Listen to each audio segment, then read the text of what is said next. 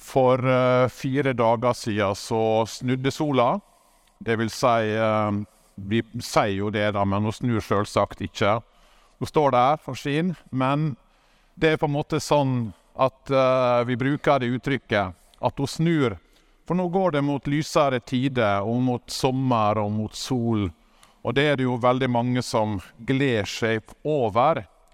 Jeg snakka med en dagen etter solsnu, da, og så sier han det at i dag ble dagen 13 sekunder lenger. Eh, ikke mye, men det handler jo ikke om eh, 13 sekunder, selvsagt. Det handler om den følelsen av at nå går vi mot lyset. Og den lengselen er jo mer enn bare en lengsel om sommer og sol. Det er en lengsel etter lys i livet vårt.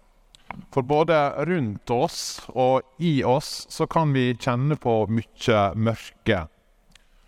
Når Johannes skal skrive sin versjon av det som skjedde i jula, så løfter han hele greia liksom litt vekk fra Betlehem og fra stall og gjetere og alt dette her.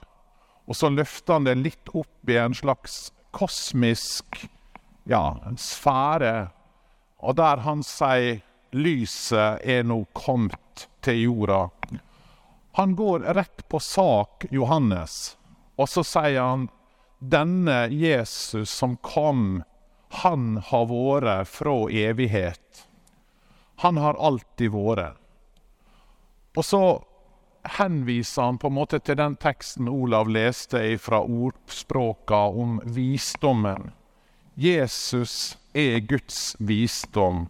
Jesus er Guds klare tanke. Han er den som kan gi retning og mening i verden. Han kom nå til verden. Og så går han tilbake igjen til skaperordet. Og så sier han skaperordet, dette skaperordet som gir liv, det kom nå til jord. Og med det så er lyset kommet inn i verden, og dermed er alt snudd. Dermed er alt annerledes. På samme måte som det blir jo ikke alt lyst fordi om vi passerer 21. desember. Det er ikke sånn at da er sommer og vår og sol her, men vi veit at vi går mot lysere tider. Og sånn er det med Guds rike, sier Bibelen. Det er kommet med Jesus. Alt er forandra når Jesus kom, slik at vår sjel kan kjenne vel denne nåde. Når Jesus kom, så kom lyset, og vi kan reise oss og synge. I dag er født en frelser stor.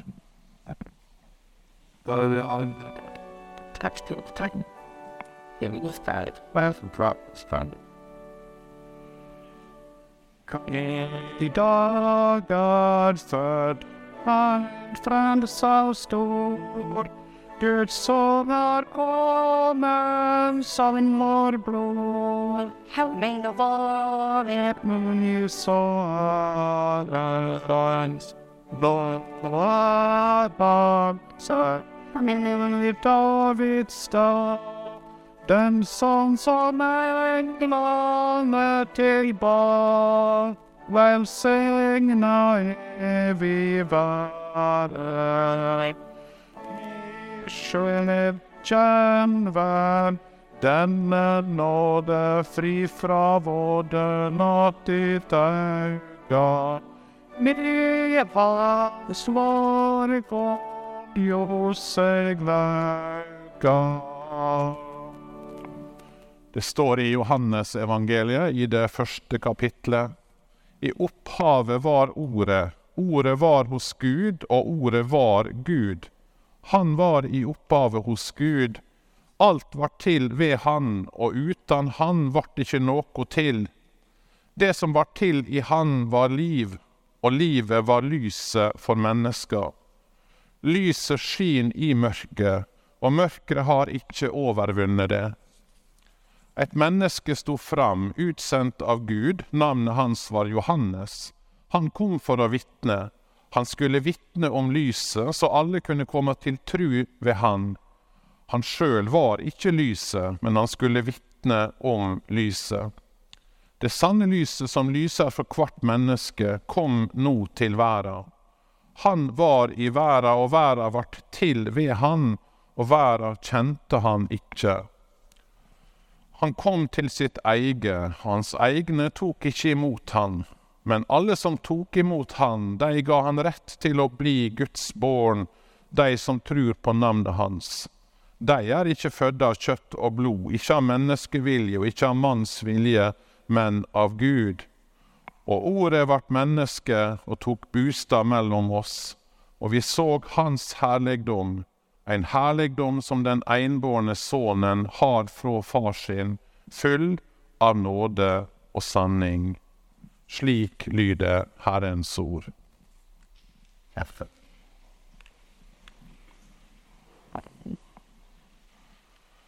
Denne førjulstida så har det kanskje vært mer fokus på alle de som har problem med jula, enn eh, kanskje har merka før om åra. Vi har jo gjort eh, jula litt sånn sentimental og følelsesmessig eh, til en følelsesmessig fest. Og det er jo mye bra med det, for det er mange som syns det er flott å få møte familie og spise god mat og koble av, kjenne på julefred og juleglede. Og så er det jo slik at for mange så er jo dette ikke sånn. Jula er jo ikke sånn.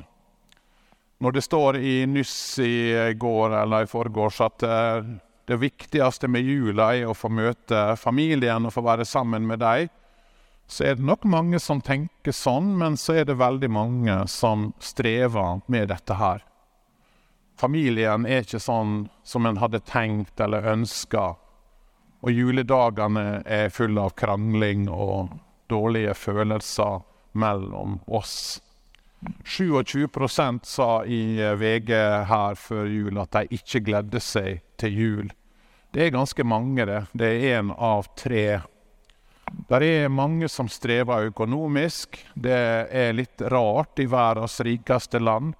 Men uh, det er mer åpenhet om det òg. At jula er krevende for deg. Du har de som strever med rus og alkohol og overgrep. Ei økende gruppe. Og så er ensemd økende også i Norge. Jeg leste i avisa Vårt Land her denne veka et innlegg, et anonymt innlegg av en mann. I midten av 50-åra sa han at han var. Og han skriver sånn Jul er høytid for ensomhet. Høytidsdager som julaften, nyttårsaften og 17. mai er mine verste dager i året. Disse dagene har jeg ingen å være sammen med. For mange er også jula full av sorg. En har mista noen og savna dem spesielt når det vi er på høgtidsdager. Eller en er sjuk. Og så er det ikke bare mørke omkring oss med krig og strømkrise og klimakrise, men vi kan kjenne på mørket i oss sjøl. Svik og nederlag. Ting som vi har dårlig samvittighet for, som ikke vi veit hvordan vi skal takle. Hva hjelper det da med englesang og hyrder og stall? Av og til så tenker jeg at denne litt sånn idylliske julefeiringa nesten gjør mørket og problemer nesten litt verre. For en føler sånn avstand mellom den gleden som en skulle kjenne på, og den manglende gleden som en har inni seg. Kanskje har vi som kirke også vært med, for vi vil jo gjerne ha julekonserter og julegudstjeneste med jubel og sang og gode følelser. Det er ikke noe galt i det, men vi har jo kanskje gjort et ideal, idyllisk, gitt et idyllisk bilde av også den første jula. For den var jo absolutt ikke idyllisk. Når vi leser litt mer i Det nye testamentet og veit litt om hva som skjedde rundt år null, ja, så veit vi at det var ingen idyll, dette her. sjølsagt er det et kjempeproblem at Maria er ugift og blir gravid. Jeg vil jo gjette at folka i Nasaret lo litt av forklaringa hennes, eller nærmest blei sint for ei sånn forklaring. Skulde på Gud, du, liksom. Det er grenser for hvor vi kan skylde på Han for sånne ting. Nasaret var en liten filleby med ca. 1000 mennesker. Alle visste dette. Og ei kvinne som var gravid, hun var ikke særlig velkommen. Hun ble utstøtt, mobba. Og så er landet okkupert av romerne. Eh, under krigen var jo vi okkupert i fem år. Veldig mange syns det var lenge. Når dette skjer, altså rundt år null, så har landet vært okkupert i 68 år. Og det var lenge igjen av denne romerske okkupasjonen. Romerne de gjorde en del bra ting. De var fantastiske til å bygge veier, annet. Men de var harde og brutale eh, herskere som slo ned på all oppstand.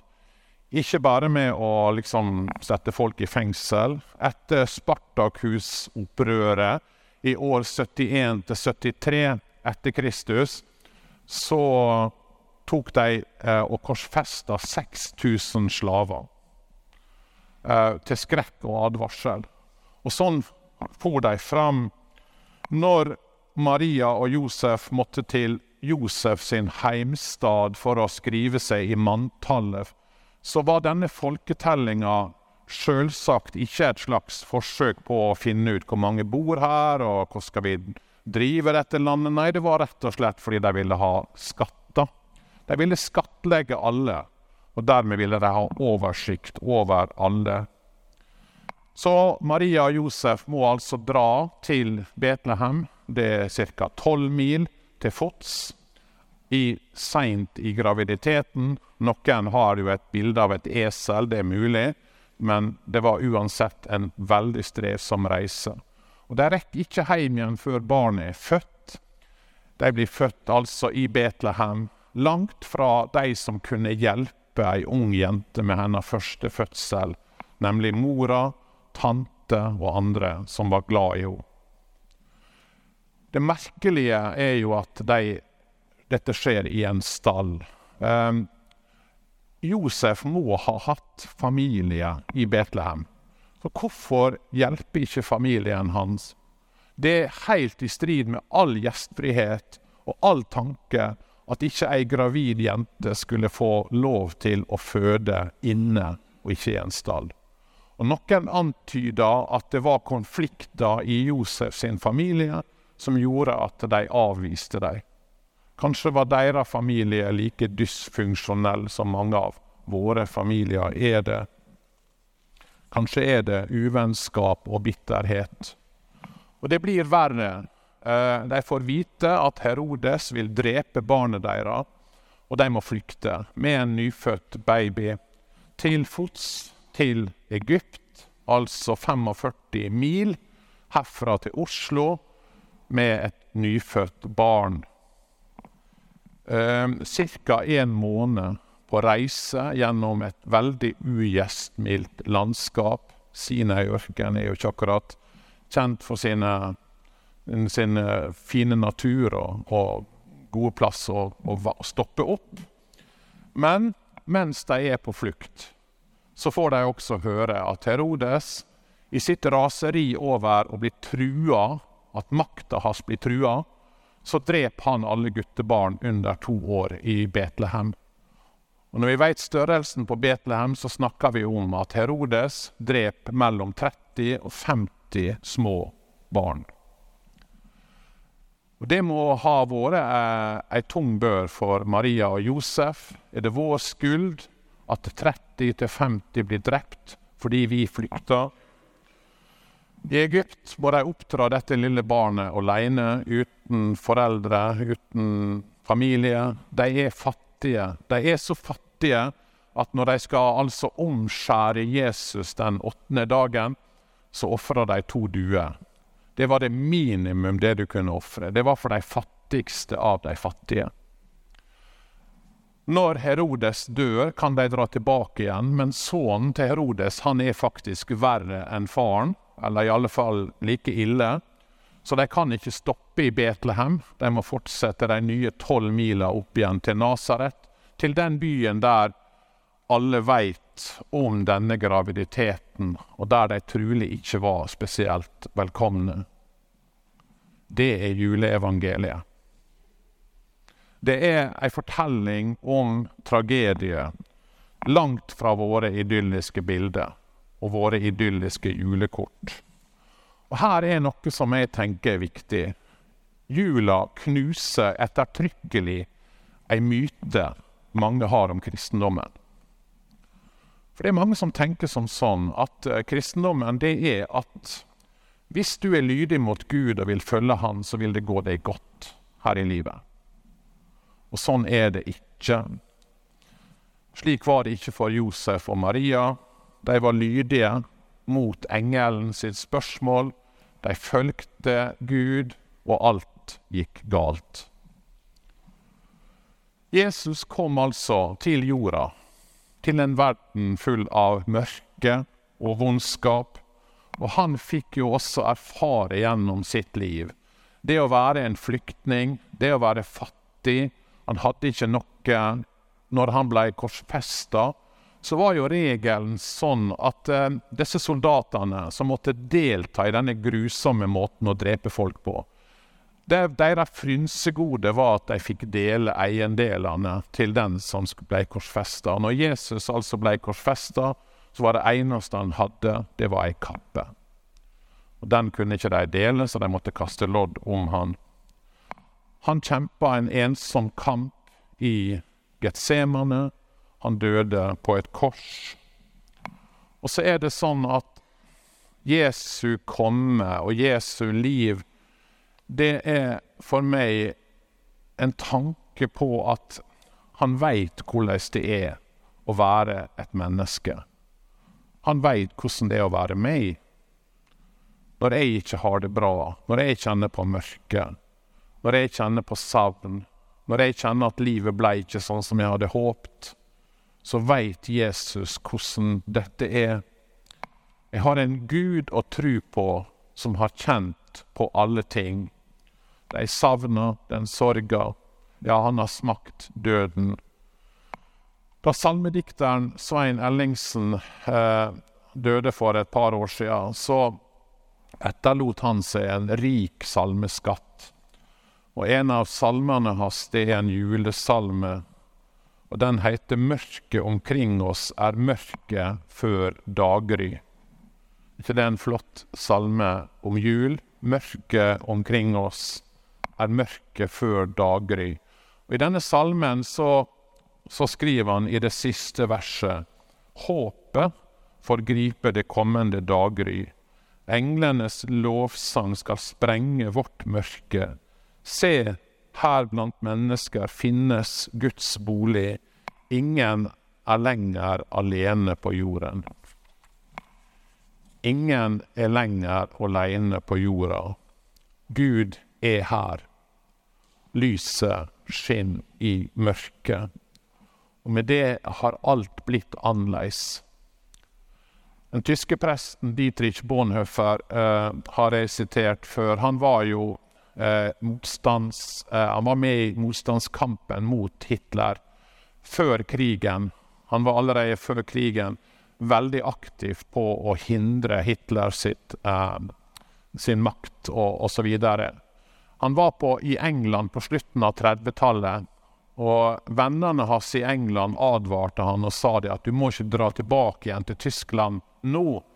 Han gjorde det likevel. Og krigen brøt ut, og han var i Tyskland. Han var med i, advent, i, um, i motstandskampen mot Hitler, og han ble jo drept uh, noen dager før krigen var slutt.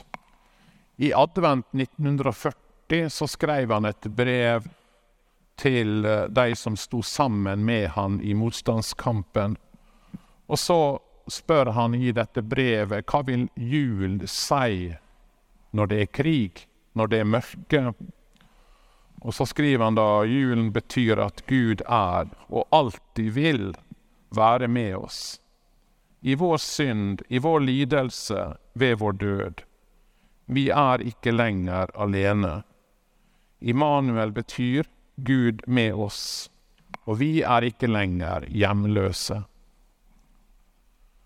Lyset skinner i mørket. Gud har tatt bolig iblant oss, Han som kjenner vårt mørke og vår sorg og vår lidelse og vår smerte. Han er ikke en fjern Gud som ser på oss fra avstand. Han er en som har kommet. Og i Hebreabrevet, samme brevet som vi leste fra før, så står det vi har ikke en øverste prest som kan, ikke kan lide med oss i vår vannmakt, men en som har prøvd i alt på samme måten som vi. En som er prøvd i alt på samme måten som oss. Men mer enn det Jula er mer enn at Gud liksom bare kommer og sier ja, jeg har prøvd dette, og jeg veit hvordan det er, og jeg er her med deg. Det er et fantastisk budskap i seg sjøl. Men det handler om noe mer. For slik Bibelen framstiller jula, så er det et kosmisk drama som skjer. Et barn blir født i Betlehem, og alt blir verre. En kamp bryter ut, og barn blir drept. Guds frelsesplan skjer ikke enkelt og smertefritt. Det er et avsnitt i den siste boka i Bibelen, i åpenbaringa, som på en måte er et merkelig avsnitt i kapittel 12, der på en måte så blir sløret tatt til side, og vi får se noe om hva som skjer i himmelen. Der er ikke det esel og sauer, men en veldig drage som kjemper en enorm kamp. Ei kvinne eh, skriker ut i smerte smerte idet hun skal føde. Og så kommer det plutselig en ildrød drage, og dragen stiller seg opp foran denne kvinna, klar for å sluke barnet som er født, og barnet blir født, og i siste sekund blir gutten berga i sikkerhet, og kvinna rømmer ut i ørkenen til et sted som Gud har gjort i stand for henne. Og så står det i neste setning da brøt det ut en krig i himmelen mellom Gud og med Mikael og englene og denne dragen og vondskapen.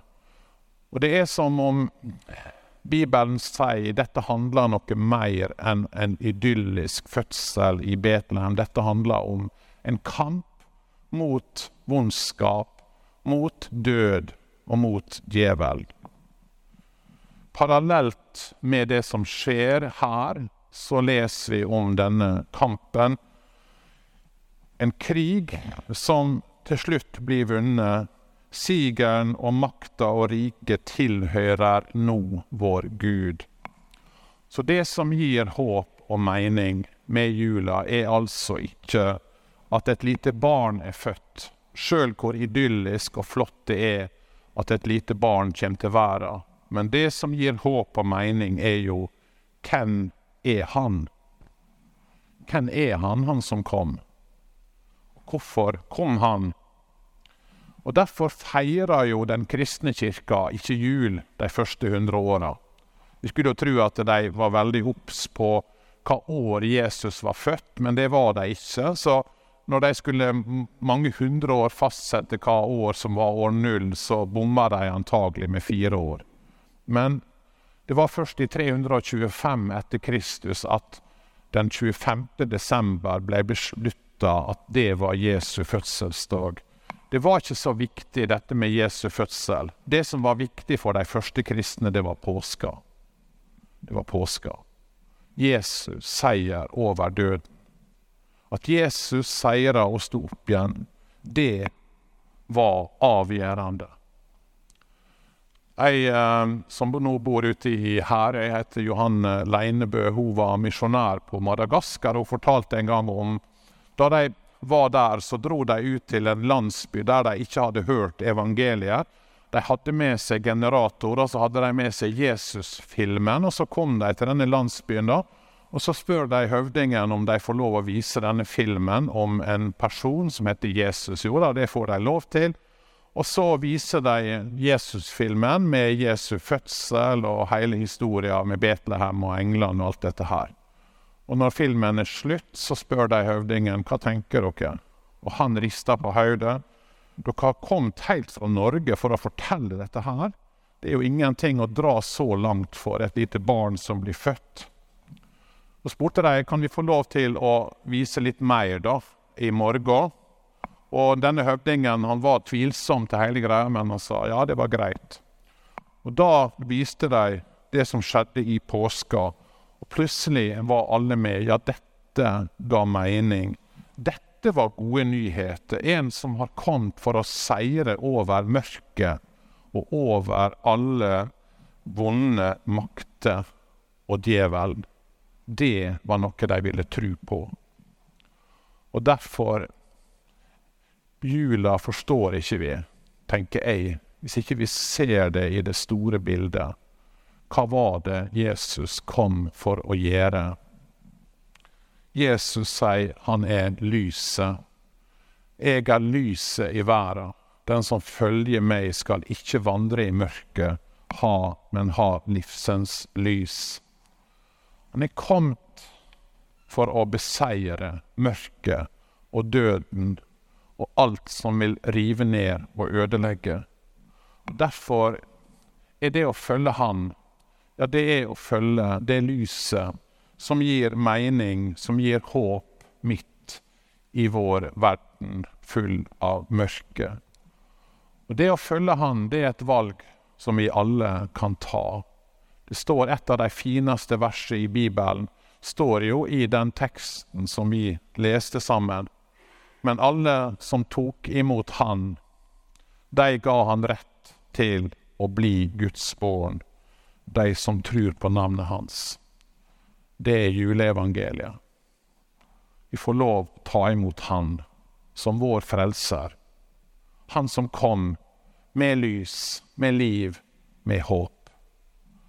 Jesus, takk for at du kom til jord. Takk for at vi får feire jul midt i liv som er kanskje ensomme og strevsomme, og familier som ikke fungerer sånn som vi hadde drømt om, en verden som er full av mørke og krig og vondskap, så kommer du med ditt lys. Takk for at du inviterer oss til å følge deg og ta imot deg, du som er den aller største av alle gaver. Amen.